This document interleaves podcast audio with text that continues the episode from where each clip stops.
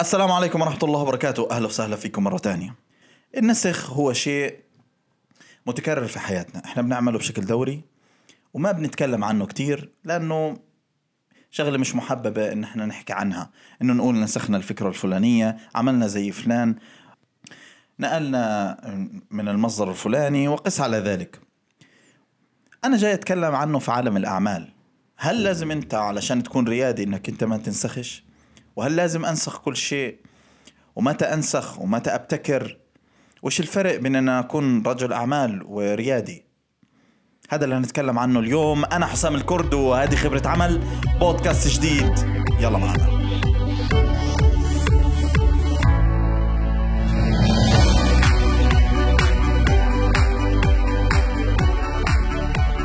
خلينا نتفق على إشي. من السذاجة أنك أنت تروح تبتكر كل شيء من الصفر؟ مرات كان أقابل مبرمجين مثلا يروح يشتغل في جزئية زي مثلا التقويم أو ال calendar وإلها مكتبات كتير تروح يروح يبنيها من الصفر فيكلف وقت وجهد وبالنهاية النتيجة أقل من أقل calendar موجودة أو تقويم موجود كمكتبة ممكن يستخدمها ببساطة. فبتسأله بقول لك أنا ابتكرتها أنا عملت كل شيء من الصفر ولكن هذا شيء من السذاجة. كمان انت في عالم الأعمال. لما انت تعمل أي عمل مش معقول تروح تبنيه كله مبتكر من الصفر. بالعكس انت لازم تنسخ الحلول الناجحة في هذا المجال من البداية وتبنى تبني عليها. وخلينا أديك وصفة النجاح في أي عمل. انت الآن نفرض إنك انت رجل أعمال. بدك تدخل عالم ال مثلا المطاعم. بتروح بتشوف المطاعم الناجحة بتنسخ المطعم بأحسن إمكانياته وبتحطه بتسعر المنيو زيه بتجيب العمال أو والموظفين محترفين زيه بالآخر أنت هتاخد حصة من السوق. لكن أنت في هذه الحالة رجل أعمال. طب وإيش الفرق؟ أنا كيف ممكن أكون ريادي أعمال؟ هنا النقطة. أنت بتكون ريادي أعمال لما أنت تبتكر تبتكر لما تحتاج مش بتبتكر عشان تبتكر. فانت بتنسخ الأشياء الناجحة وبتبدأ تبتكر عليها. وهذه أفضل المشاريع الموجودة هي نسخة أشياء ناجحة وابتكرت عليها. فيسبوك على سبيل المثال إذا كان بالنسبة لك شيء ناجح فهو ما بدا من النقطة صفر.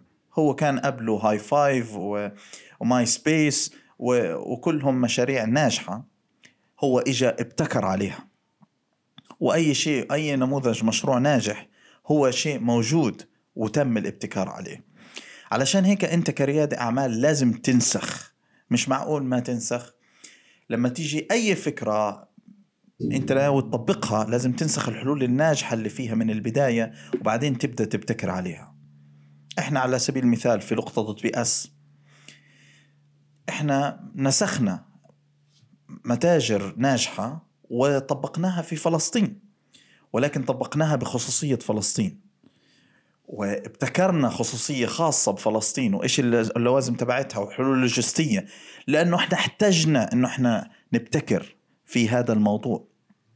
نفس الإشي في عرب بوست. عرب بوست مش أول منصة بتعمل التسويق عبر المؤثرين موجودة قبل في العالم. لكن إحنا نسخنا هذه الحلول خصصناها للمنطقة العربية وابتكرنا لما احتجنا إن إحنا نبتكر بخصوصية المنطقة العربية. وهذا اللي أنا بتكلم عنه اليوم. القاعدة الأساسية هنا إنك انسخ اللي بتقدر تنسخه وابتكر لما تحتاج. هذا الإشي بخليك بتتطور وبتطور أشياء ناجحة. مش بتبني كل شيء من الصفر ولا بتنسخ كل شيء علشان تكون بتاخد حصة من السوق فقط. فالنسخ مش عيب والابتكار واجب. شكرا لحسن استماعكم. تحياتي لكل حدا ببني والسلام عليكم ورحمة الله وبركاته.